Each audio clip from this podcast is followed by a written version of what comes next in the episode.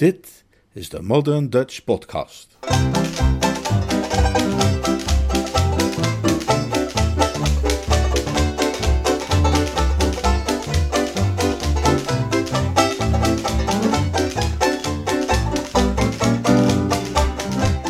Jeeves en de Liefde.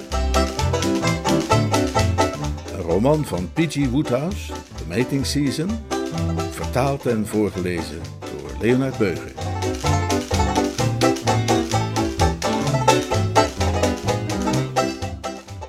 Hoofdstuk 7 Tja, als ik nu een machtige koning of een edele ridder uit de middeleeuwen was geweest, zo iemand als Jonker Roland bijvoorbeeld, in de tijd dat je geen steen kon gooien zonder een tovenaar, magier of sjamaan te treffen en mensen de hele tijd in iets anders veranderden, zou ik er misschien niet van hebben opgekeken. Dan zou ik gewoon gezegd hebben: Aha, Jeeves is dus kennelijk betoverd en in Catsmeet veranderd. Jammer, maar wat doe je eraan? Zo gaan die dingen. En zou ik mij verder niet druk over gemaakt hebben. Maar hoogstens een keer geslikt hebben en alleen maar bah gezegd, zoals de koning uit het liedje. In onze tijd hebben wij met die dingen echter wat meer moeite en ik zou mijn lezers beslist misleiden wanneer ik zou ontkennen dat ik hierdoor behoorlijk confuus raakte. Ik staarde de man aan, waarbij mijn ogen uit hun kassen puilden en op steeltjes heen en weer zwaaiden als die van een slak. Catsmeet, kermde ik. Meadows, verbeterde hij mij. Hoe bedoel je, Meadows? Ja, dat is mijn naam, zolang ik bij jou in dienst ben. Ik ben jouw bediende. Er ging me een licht op. Ik had al even aangestipt dat de port, waarvan ik samen met Esmond Haddock zo rijkelijk had genoten, van een uitstekende jaargang was geweest en van een bijzonder krachtig gehalte. Ik realiseerde me nu dat het spul zelfs nog wat peremptorischer geweest moest zijn dan ik verondersteld had, en dat vrouwe Daphne Winkworth volkomen terecht had aangenomen dat ik geheel en al in de lorem was. Ik wilde dus al mijn gezicht naar de muur draaien om mijn roes uit te gaan slapen toen hij verder ging. Je knecht, je oppasser, je persoonlijke assistent. Is simpel zat. Jeeves was verhinderd. Wat? Jeeves kon niet komen. Je bedoelt dat Jeeves er niet is om mij bij te staan? Dat klopt, maar ik ben in zijn plaats gekomen. Wat doe je? Ik draai mijn gezicht naar de muur. Waarom? Zou jij dan niet je gezicht naar de muur draaien als je opgesloten zat in een oord als dit, waar iedereen denkt dat je Finknottel bent, en dan zonder Jeeves om je te troosten en raad te geven? Oh, lieve hemel, oh grote goedheid, oh zakkerlood, waarom kon Jeeves niet komen? Is hij ziek? Nou, dat dacht ik niet. Ik ben natuurlijk maar een leek en geen medicus, maar het laatste keer dat ik hem zag, markeerde het hem volgens mij niet aan vitamine. Zijn ogen fonkelden, zijn wangen bloosden. Nee hoor, Jeeves is niet ziek. Wat hem weer hield om hierheen te komen, was het feit dat zijn oom Charlie hier de butler is. Waarom zou dat hem nu in hemelsnaam weerhouden? Mijn brave Bertie, gebruik nu toch eens je hersens, voor zover aanwezig dan natuurlijk. Oom Charlie weet dat Jeeves jouw oppasser is. Ongetwijfeld schrijft Jeeves hem elke week een brief waarin hij vertelt hoe blij hij met jou is en dat niets hem ooit zou kunnen overhalen van betrekking te veranderen. Tja, en wat denk jij dan dat er zou gebeuren wanneer hij opeens kwam opdagen in het gevolg van Gussie Finknottel? Ik zal je zeggen wat er dan zou gebeuren. Oom Charlie zou achterdochtig worden. Hier klopt iets niet, zou hij tegen zichzelf zeggen. En voordat je wist wat er aan de hand was, zou hij je valse bakkenbaarden eraf rukken om je te ontmaskeren. Nogal wie dat Jeeves niet hierheen kon komen. Ik moest toegeven dat daar iets in zat, maar het zat me allerminst lekker. Ja, maar waarom heeft hij me dat dan niet gezegd? Wel, uh, hij realiseerde zich dat pas nadat jij was vertrokken. En waarom kon hij dan niet gewoon dat even regelen met Silversmith? Ja, dat zei ik ook toen we erover begonnen, maar Jeeves zei dat zijn oom Charlie een van die mensen was met wie niets te regelen of te ritselen valt. Hij is een man met uiterst strikte principes. Oh, iedere man heeft zijn prijs.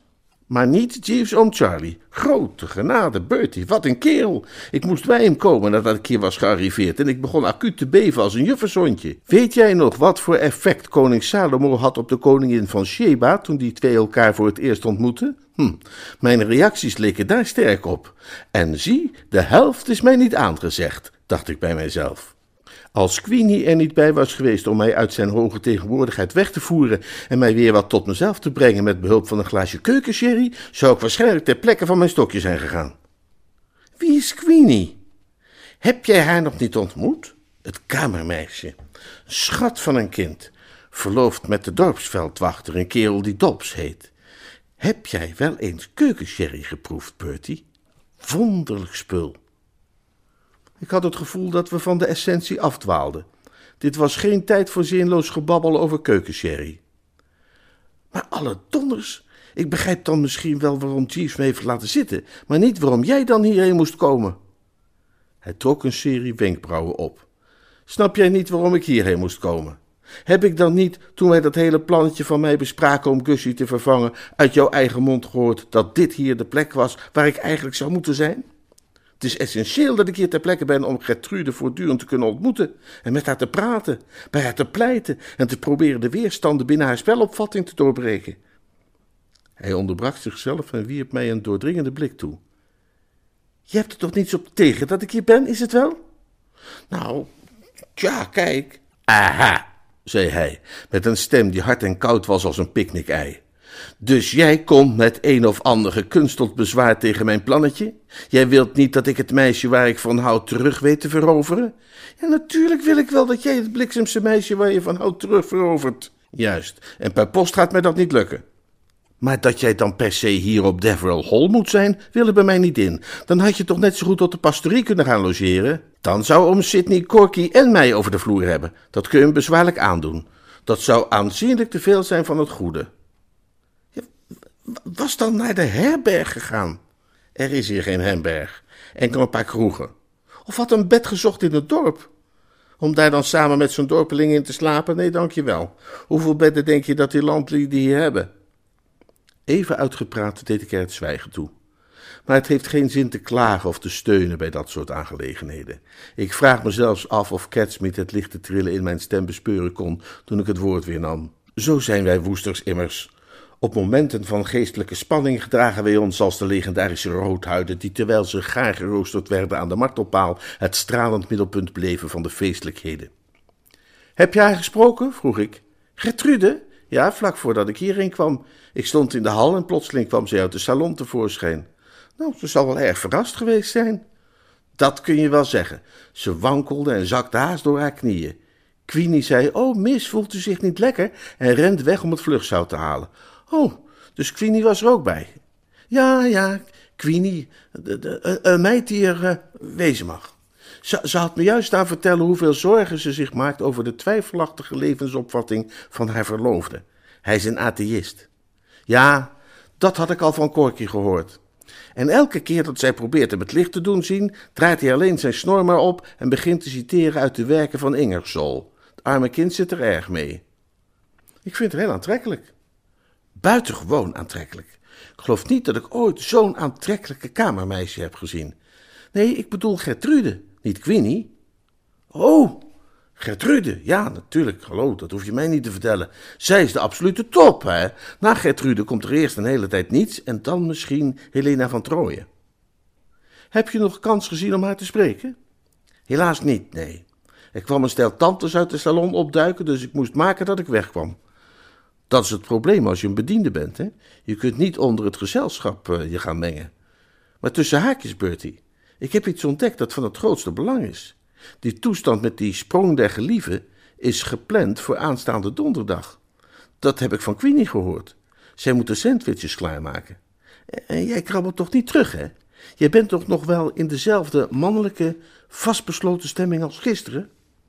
Ik kan er toch nog steeds op rekenen dat jij die schandalige lammeling onschadelijk zult weten te maken, die hufter van een Esmond Haddock? Nou, ik mag die Esmond Haddock wel. Dan moet jij je schamen. Ik glimlachte welwillend. Nee, dat zit wel goed, Catsmeet. Je hoeft je niet zo op te winden. Gertrude Winkworth betekent helemaal niets voor Esmond Haddock. Het is niet echt zo dat hij haar probeert te versieren.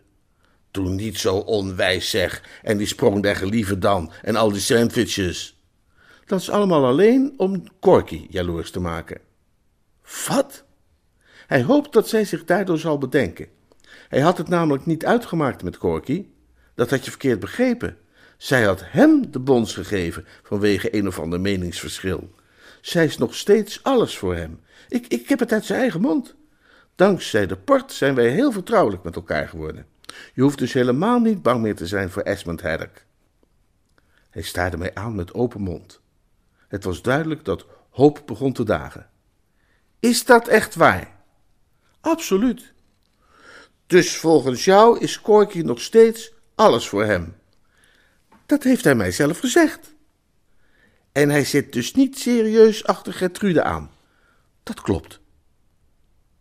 Catsmeet slaakte een diepe zucht. Het klonk als zo'n rubberen kip waar je de lucht uit laat lopen. Goeie genade, voelt daar even een pak voor mijn schouders? Ja, ik dacht wel dat je dat fijn zou vinden om te horen. Ja, en, of ik dat fijn vind. Maar goed, een goeie avond verder. Ga je weg? Ja, ik ga er nu vandoor, Bertie. Hoezeer ik je gezelschap ook op prijs stel, want er is werk te doen. Toen ik daarnet met Queenie stond te babbelen, vertelde ze me toevallig waar oom Charlie de sleutel van de wijnkelder bewaart. Tot ziens dus. Wij zien elkaar binnenkort wel weer, mag ik hopen. Oh, oh, oh, wacht even. Zie jij Corky binnenkort? Morgenochtend vroeg, zodra ik hier weg kan.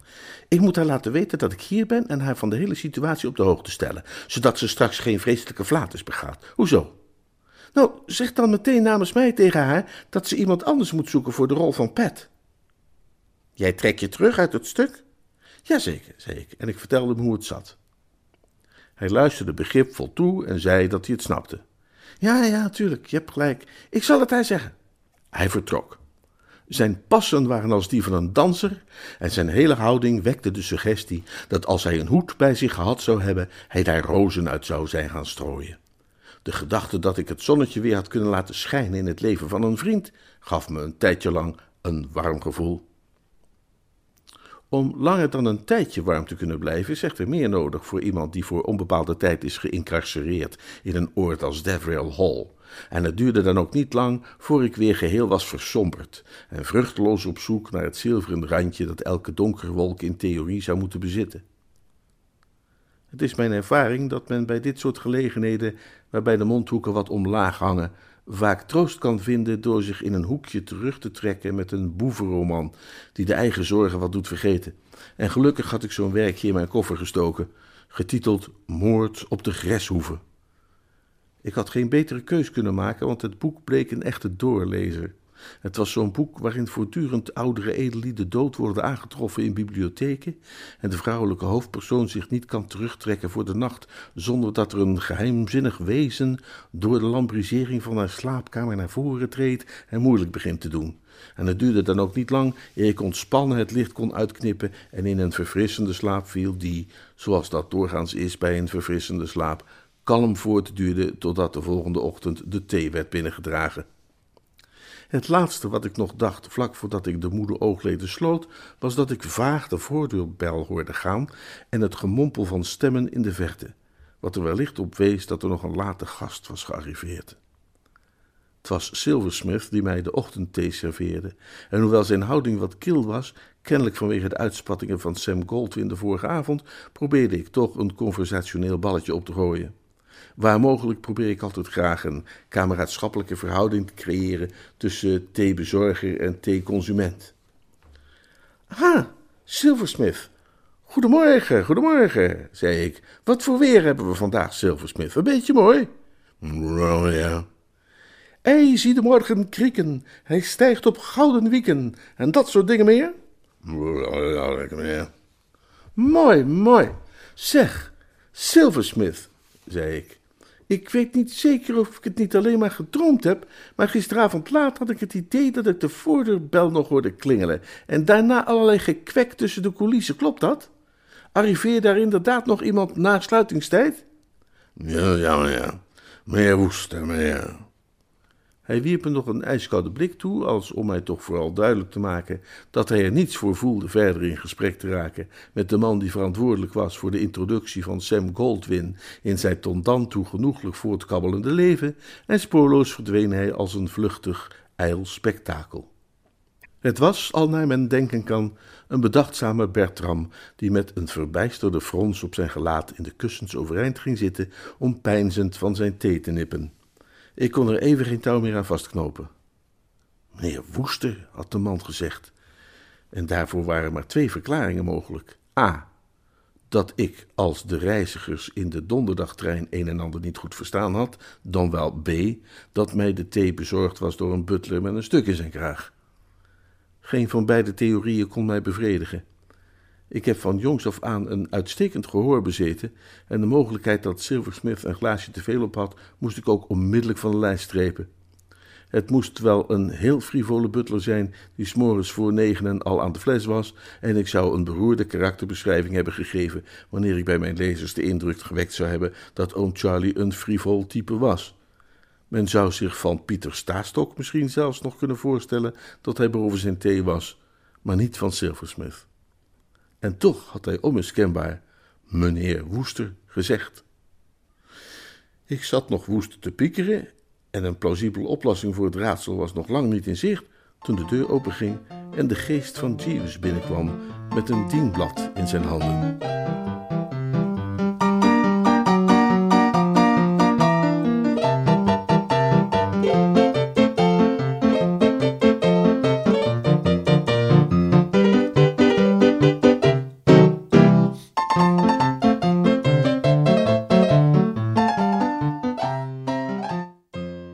Hoofdstuk 8 Ik zeg de geest van Jeeves, omdat ik in die eerste afgrijselijke seconden geen andere verklaring kon vinden voor die verschijning.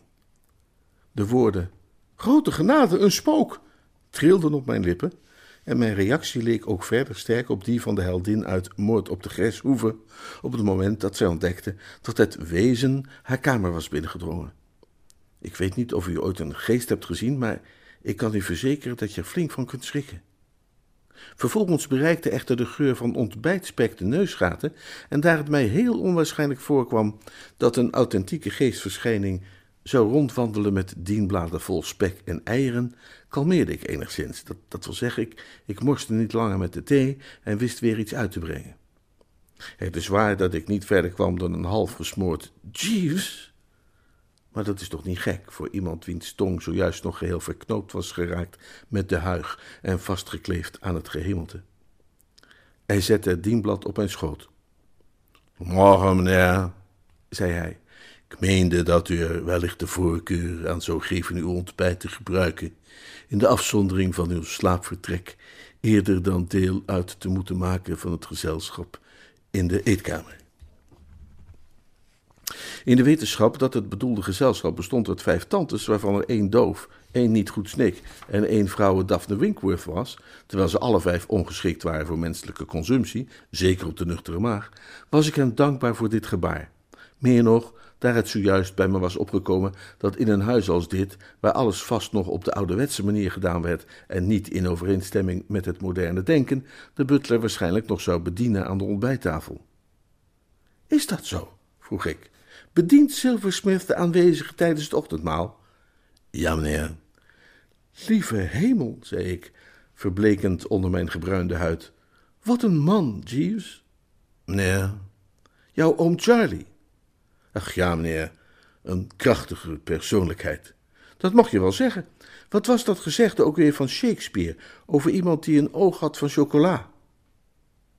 Uh, het oog van Mars, vol dreiging en bevel is wellicht het citaat waar u naar zoekt, meneer. Precies. Jouw oom Charlie heeft twee van die ogen. Eh, noem jij hem ook echt oom Charlie? Ja, meneer. Onbegrijpelijk. Zo iemand oom Charlie noemen is alsof je Jimmy tegen hem zegt, of, of, of, of Reggie, of voor mijn pad Bertie. Liet hij je ook paardje rijden op zijn knie toen, toen, je, toen je klein was? Regelmatig, meneer. En jij bent daar niet onder bezweken? Jij moet een kind geweest zijn van bloed en ijzer. Ik richtte mij weer op mijn ontbijtbord. Voortreffelijk ontbijtspek trouwens, dit, Jeeves. Huisgerookt, naar ik begrijp, ja. En ongetwijfeld vervaardigd van tevreden varkens. En kijk eens aan, gerookte bokking ook. Om maar te zwijgen van toast, marmelade en, als de zinnen mij niet bedriegen, een appel. Je kunt zeggen wat je wilt over Deverell Hall, maar de gasten worden er rijkelijk onthaald. Ik weet niet of het jou ooit is opgevallen, Jeeves, maar een gerookte bokking morgens vroeg geeft een mens energie en ondernemingslust. Zeker waar, meneer. Hoewel ik persoonlijk de voorkeur geef aan een stevige plak ham. We discussieerden nog enige tijd over de wederzijdse kwaliteiten van Bokking en Ham als versterkers van het moreel, waarbij uiteindelijk voor beide veel te zeggen bleek, waarna ik een onderwerp aansneed dat ik al veel eerder had willen aansnijden. Ik begrijp achteraf eigenlijk niet waarom ik daar niet meteen over begonnen was. Zeg Jeeves, zei ik. Ik wist dat er nog iets was dat ik je wilde vragen. Wat voor de donderse bliksem doe jij hier eigenlijk? Ik vermoed al dat u daar wellicht nieuwsgierig naar zou kunnen zijn, meneer. Ik stond al op het punt u daar een verklaring voor te bieden. Ik ben hier als de bediende van Mr. Fink Nottel. Staat u mij toe, meneer? Hij greep het stukje bokking dat door een plotselinge onwillekeurige polsbeweging van mijn vork was geschoten en legde het terug op mijn bord. Ik staarde hem aan met wijd opengesperde ogen, zoals dat heet. Mr. Fink Nottel? Ja, meneer. Maar Gussie is toch hier niet? Wel, meneer. We zijn gisteravond op een gevorderd tijdstip alsnog gearriveerd. Er ging mij een felbrandend lichtje op. Je bedoelt dat oom Charlie onze Gussie bedoelde toen hij zei dat Mr. Woester had ingeklokt. Dus ik ben hier onder Gussie's naam, terwijl Gussie hier nu resideert onder mijn naam. Correct, meneer. Het is een wonderlijke en wellicht enigszins verwarmde situatie die al dus is ontstaan. Nou, dat mag je voor de drommel wel zeggen, Jeeves. Alleen het feit dat ik daardoor het dienblad zou hebben omgegooid, verhinderde mij om me met mijn gezicht naar de muur te keren. Toen Esmond Haddock tijdens ons gesprek bij de port bepaalde tijden ter sprake had gebracht waarin de mensenziel zwaar op de proef wordt gesteld, had hij er geen idee van gehad hoe zwaar precies de mensenziel het voor de kiezer kon krijgen als die tijden eens werkelijk van de duisterste soort waren. Ik spieste een stevig stuk bokking aan mijn vork en werkte het afwezig voorbij het strothoofd in een poging mijn fysieke en mentale kwaliteiten te optimaliseren binnen de gegeven situatie, die naar het oordeel van ook de moedigsten onder ons er een was van, laten we zeggen, grote uitdagingen. Maar hoe heeft Cussie dan uit de bak weten te komen? De rechter besloot bij nader inzien hem een boete toe te kennen in plaats van een gevangenisstraf. En om wat voor reden dan wel? Wellicht de gedachte dat het wezen der genade geen dwang duldt, meneer. Oh ja, en, en, drupt omlaag als zachte regen van omhoog bedoel je? Precies, meneer. Op wat omlaag is, wat zij dubbel zegent. Zijn edelachtbaar heeft ongetwijfeld in overweging genomen dat zij zegent wie hij geeft, als wie hij krijgt. Zij staat een hoge heerser beter dan zijn kroon. Ik dacht daar even over na en ja, daar zat wel wat in. En wat moest hij dokken? Vijf pond? Ja, meneer. Dus Gussie dokte en toen was hij vrij? Ja, meneer. En toen heb jij hem opgepikt en naar Deverell Hall gebracht? Ja, meneer. Ik legde mijn vinger op de wonde plek. En waarom dan wel? vroeg ik. Ik dacht dat ik hem daarmee te pakken had, maar dat was niet zo. Een mindere kerel zou op dat moment met zijn voeten zijn gaan schuifelen en met zijn vingers friemelen en had iets gemompeld van: Tja, ik zie wat u bedoelt, lastige vraag, goh. Maar Jeeves had zijn woordje klaar en wist dat te brengen zonder met zijn ogen te knipperen. Het was het enige dat wij konden doen. Ja. Enerzijds was Milady, uw tante, zeer uitgesproken in haar wens dat u zich op Devil Hall zou vervoegen terwijl anderzijds Miss Bassett er al evenzeer op stond dat Mr. Finknottel dat zou doen. In het geval dat een van u beiden niet zou arriveren, zouden ongetwijfeld inlichtingen worden ingewonnen met desastreuze resultaten. Om slechts één aspect van de zaak te belichten, Miss Bassett rekent erop dagelijks brieven te zullen ontvangen van Mr. Finknottel, met daarin de nieuwste praatjes en schandaaltjes vanuit Deverell Hall en een gedetailleerde beschrijving van zijn doen en laten hier. Die brieven zullen uiteraard geschreven moeten zijn op het briefpapier van de Hall en voorzien van het poststempel King's Deverell. Dat is waar. Je hebt gelijk, Jeeves. Daar had ik helemaal niet aan gedacht slikte een bittere brok toast met marmelade weg. Ik bedacht hoe gemakkelijk al deze ingewikkeldheden voorkomen hadden kunnen worden als die toga-drager gewoon zo slim was geweest om Kusje meteen een fikse boete te geven, in plaats van dat achteraf nog eens te bedenken. Ik heb het al vaker gezegd en ik zal het nog wel menige keer moeten herhalen, maar alle politierechters zijn sukkels. Wijs mij een politierechter en ik toon u een ezel. Ik begon aan mijn appel. Mooi is dat. Ja, meneer. Dus ik ben Gussie en Gussie is mij. Ja, meneer. Dan zullen we scherp bij de pinken moeten blijven om niet alles in de war te laten raken. Dat wordt wat je noemt op eieren lopen. Een bijzonder treffende vergelijking, meneer. Ik nam het laatste hapje van mijn appel en stak een bedachtzame sigaret op. Tja, dat komt natuurlijk niet anders, zei ik. Maar ga me nu niet aan mijn hoofd zeuren over Marcus Aurelius, want dat het allemaal deel uitmaakt van het universele web, dat wil ik nu even helemaal niet horen. Hoe is Gussie hier trouwens onder? Allerminst juichend, meneer. Ik kan hem waarschijnlijk het best omschrijven als misnoegd. Ik hoor van Mr. Purbright. Ah, dus je hebt Catsmeet gesproken? Ja, meneer, in de bediendenkamer. Hij was Queenie, het kamermeisje, aan het helpen met haar kruiswoordpuzzel. Hij deelde mij mee dat het hem gelukt was een kort gesprek te voeren met Miss Purbright en dat hij haar ervan op de hoogte had gesteld dat u niet langer beschikbaar bent voor de rol van Pat in de eerste sketch op het dorpsconcert. Haar reactie was dat zij uw standpunt volledig kon begrijpen en ervan uitgaat dat Mr. Finknottel, nu hij hier is, die rol vanzelfsprekend zal overnemen. Dat heeft Mr. Purbright op zijn beurt Mr. Finknottel duidelijk gemaakt, hetgeen de oorzaak is van diens misnoegen. Hij ziet daar tegenop? Ja, meneer. Bovendien is hij buitengemeen ontdaan door wat hij van de verschillende dames in de hall te horen gekregen heeft over. Uh... Mijn gedrag? Ja, meneer.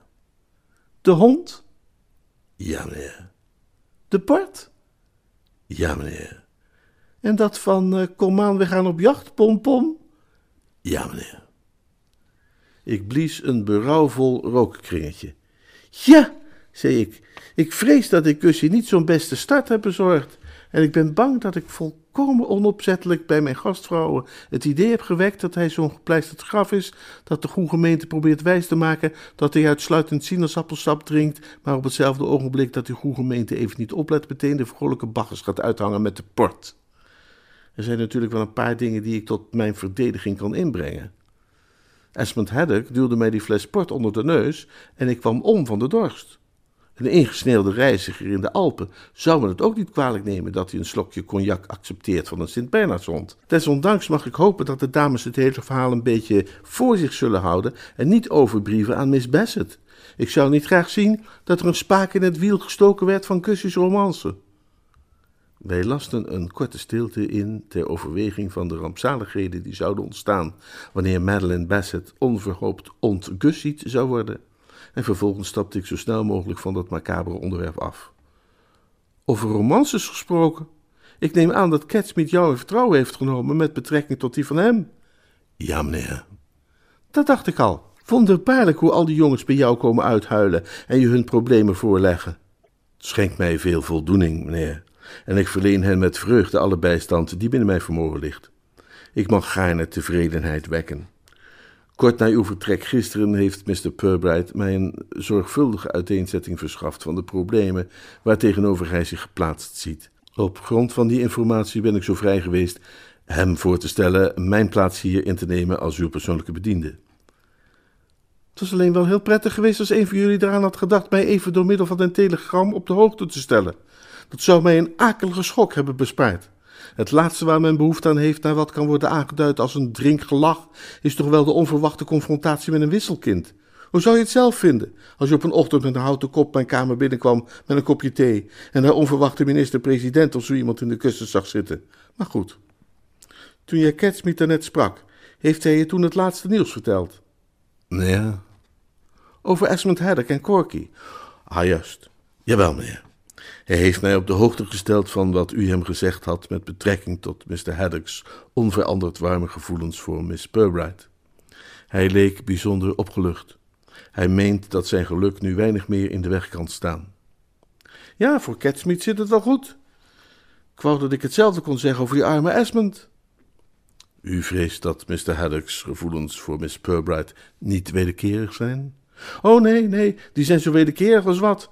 Ze geeft ruidelijk toe dat ze stapel op hem is. En jij denkt dus misschien dat alles voor Catsmeet kat in het bakje is. Ik bedoel, als zij stapel is op hem en hij stapel op haar, dan zou het toch wel in orde moeten komen. Maar nee, dat heb je dan mis. En Esmond Haddock ook. Hij denkt, de beklagenswaardige dromer, dat hij straks zo'n knaller van een hit gaat scoren met het liedje dat hij zingt op het dorpsconcert, dat het publiek compleet uit zijn dak zal gaan en Corky hem van de weeromstuit met een aanmächtig Oh Esmond in de armen zal vallen. Maar dat gaat niet gebeuren. Oh nee, meneer. Geen schijn van kans, Jeeves. Er schuilt een lelijke adder onder het gras. Ze wil niks van hem weten, zolang hij onder de plak blijft zitten bij die tantes van hem, terwijl hij, ook heel begrijpelijk, het al benauwd krijgt bij de gedachte dat hij zich tegen hen zou verzetten. Het is wat ik wel eens heb horen aanduiden als een impasse. En waarom wil de jonge dame dat Mr. Haddock het tegen zijn tantes opneemt, meneer? Zij zegt dat hij zich al zijn leven lang door hen heeft laten koeioneren en dat het tijd wordt dat hij eens voor zichzelf op gaat komen. Ze wil dat hij het juk afwerpt en hij laat zien dat hij een man is die zelfstandigheid en moed toont en weet wat hij wil. Het is het oude drakenverhaal. In de dagen dat je nog stoere ridders had, stookten meisjes, zoals u waarschijnlijk wel weet, hun vriendjes altijd op om erop uit te gaan en draken te verslaan. Ik denk dat zo iemand als jouw vriend Jonker Roland dat ook wel tig keer aan de hand zal gehad hebben. Maar draken zijn één ding, tantes zijn weer iets heel anders. Ik twijfel er niet aan of Esmond Haddock zou een vuurspuwende draak zonder probleem aanpakken.